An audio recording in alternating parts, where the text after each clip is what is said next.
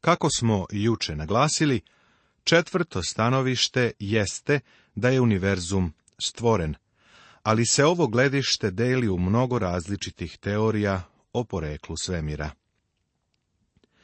Pred sobom imam neke od tih teorija, koje su ljudi kroz istoriju usavršavali i proširivali. Evo izjave doktora Harlowa Shapleya, bivšeg direktora observatorije Harvard, koji je rekao da smo mi još uvek uljuljkani u dubokom neznanju o svetu u kome živimo. On smatra da smo veoma malo napredovali u odnosu na ukupno pretpostavljeno širenje znanja izvan granica mudrosti koje su stekle životinje dugog rasnog iskustva. Mi se više svakako ne plašimo neobičnih zvukova u mraku, niti su potpuno sujeverni oni koji veruju nešto u vezi sa smrću. U mnogim prilikama mi smo valjano racionalni. Ipak, da li znamo koliko ono što nam je nepoznato nadmašuje ono što nam je poznato? Drugim rečima, još uvek smo apsolutno u mraku u vezi sa poreklom ove zemlje na kojoj živimo.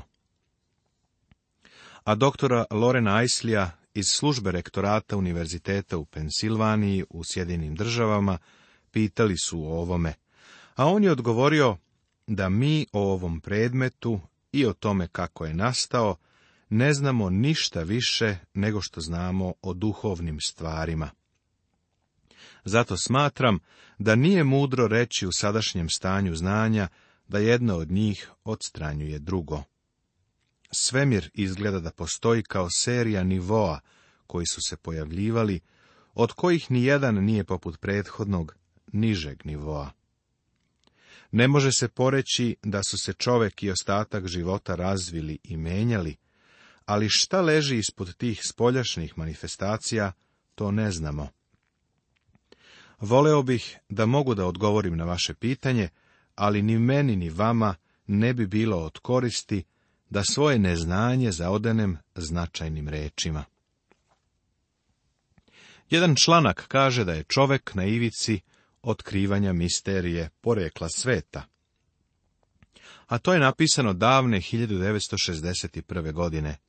uzgred rečeno, o tome od tada nemamo ništa novo. Biolog Edwin Conklin, govoreći o evoluciji, izjavio je da će verovatnoća o slučajnom nastanku života biti uporediva sa verovatnoćom da potpun rečnik potiče od eksplozije u štampariji. Ovo zvuči veoma nenaučno, iako dolazi od naučnika, ali je zato istinito. Izgleda da postoje bar tri teorije o poreklu univerzuma, koje su čak astronomi predložili – pa je zanimljivo spomenuti ih. Jedna od njih poznata je kao teorija čvrstog stanja, druga kao teorija velikog praska i treća je kao oscilirajuća teorija. Dr. William Baum, naučnik sa Caltech fakulteta, govoreći na Kalifornijskom univerzitetu, rekao je Akademiji za nauku da nova otkrića imaju tendenciju da se izdvaja ili isključi iz teorije čvrstog stanja da je univerzum oduvek postojao i da se nova materija stalno stvara. Pre nekoliko godina ova teorija bila je prihvaćena, a sada već postoji nova teorija o poreklu svemira. Dr. Baum je očigledno podržavao teoriju velikog praska, koja kaže da se pre više milijardi godina dogodila velika eksplozija i da nam se za verovatno sljedećih deset milijardi godina sprema još jedna. Mislim da nema potrebe da o tome mnogo brinemo, ali je ovo zanimljiva teorija koja je potekla iz Velike Britanije. Pre nekoliko godina dr. Louis Leakey, antropolog, i uzgred sin misionara u Africi, je otkrio ono što smo nazivali karikom koja nedostaje. Iskopao je delove lobanje sa dobro razvijenim zubima, nazvao je čovek klešta za orah i tvrdio da ona pripada tinejdžeru koji je živeo pre oko šest stotina hiljada godina. Pa, već smo imali slične teorije, zašto onda o ovoj od 1961. ništa više nismo čuli, pretpostavljam da je zato što je naučni svet nije prihvatio. Postoje i drugi načini na koje se objašnjava poreklo čoveka. Dr. Lorenz Dillon, vanredni profesor biologije na teksaškom A i M fakultetu, kaže da čovek nije životinja, nego biljka koja se razvila iz braun morske trave. Eto, možda si na pogrešnom mestu tražio baku i deku. Neki drugi su ih tražili gore po drveću. A sada nam kažu da treba da smo na plaži i da izvlačimo morsku travu jer su to baba i deda. Neke od ovih spekulacija zaista jesu smešne. Dosta davno u jednom od vodećih svetovnih magazina sam čitao da, nakon vekova ogorčenih rasprava o tome kako je život na zemlji počeo, zahvaljujući oštroumnom i strpljivom radu u laboratorijama širom sveta, iskrsava izvanredno inspirativni odgovor. Mislio sam da ćemo do sada dobiti bar neke jasne i direktne odgovore, ili makar malo ohrabrenja, ali ništa od toga nije bilo. Prema Johnu Telmadžu bila je praksa da ovako izgleda dogma koju su naučnici sledili. Arheološka otkrića praistorijskih kulturoloških objekata moraju tako da se srede da nerazvijene industrije datiraju pre onih koje su naprednijeg tipa, uprkos tome gde su pronađene. Bilo je malo zbunjujuće otkriti neku od naprednijih civilizacija ispod onih koje su izgledale kao praistorijske. I danas nam se nudi tako mnogo teorija o tome kako je nastala zemlja. Dr. Klaus Mampel iz Nemačke izjavio je da on ne uviđa ni jedan više razlog da nas, ljudski rod, sagledava kao da jesmo povezani sa majmunima, više nego što bismo bili povezani sa kanarincima ili kengurima. Teorija evolucije je podeljena u mnoge različite faze i gledišta, ali nikada nije dokazana njena istinitost. Nažalost, kada se spustiš na nivo pseudonaučnika, odmah pomislim na današnje nastavnike u školama koji poučavaju nauku, a stvarno nisu u poziciji da pruže iskren stav, jer im je na njihovom fakultetu bilo izneto samo jedno gledište. Ne postoji jednodušno prihvatanje evolucije, čak ni među naučnicima. Evo citata doktora Kerkuta sa Odeljenja za psihologiju i biohemiju na Southamptonskom univerzitetu u Engleskoj. Iako je on sam evolucionista, u svojoj knjizi The Implication of Evolution, implikacije evolucije, on piše sljedeće. Postoji teorija koja kaže da se može zapaziti da su mnoge postojeće životinje u toku određenog vremenskog perioda pretrpele promjene, pa su se formirale nove vrste. Ovo bismo mogli nazvati posebnom teorijom evolucije, a možemo je ilustrovati određenim eksperimentima. S druge strane, postoji teorija da su svi živi oblici na svetu potekli iz istog izvora, koji je sam potekao iz neorganskog oblika. Ovu teoriju možemo nazvati opštom teorijom evolucije, a dokaz koji je potkrepljuje nije dovoljno čvrst da bi nam omogućio da ga posmatramo ništa više nego kao još jednu radnu pretpostavku. Saslušaj sada izjavu švedskog botaničara doktora Herberta Nilsona, koji je također evolucionista. Moj pokušaj da evoluciju dokažem eksperimentima koji traju već više od 40 godina potpuno su propali. Bar teško da neko može da me optuži da sam pošao od unapred stvorene antievolucionarne tačke gledišta. Možemo se čvrsto držati toga da nije moguće čak ni napraviti karikaturu na osnovu paleobiološke činjenice. Fosilni ostaci su sada tako kompletni da je moguće sačiniti nove klase, a nedostatak prelaznih serija ne može se objasniti kao posljedica nedostatka materijala. Nedostaci su stvarni. Nikada se neće popuniti. Ideja o evoluciji počiva na pukom verovanju. Smem li reći da je on na putu ka carstvu religije? Prijatelju, da bi bio evolucionista, potrebna ti je vera. Evolucija je spekulacija. Uvijek je to i bila. Ali, nažalost, mnogi su je prihvatili kao činjenicu.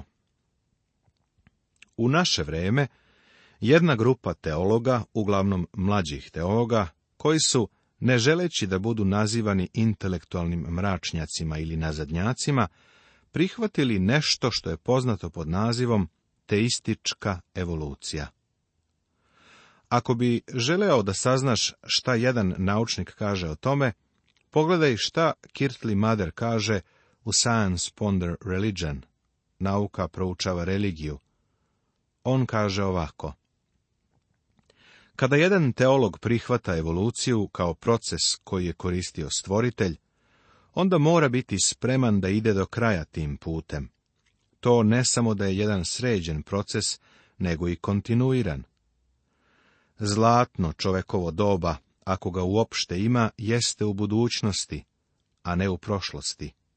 Šta više, stvaralački evolucioni proces ne sme biti narušavan bilo kakvom nadprirodnom intervencijom. Evolucija prvobitnih živih ćelija iz prethodno postojećih neživih materija predstavlja popriličan skok, a ne beskrajno mali korak na putu napretka, ali je ovo potpuno prirodan razvoj. Teistička evolucija je verovatno najnerealnija od svih teorija. Ona je skoro potpuno nerazumna doktrina i nelogičan stav.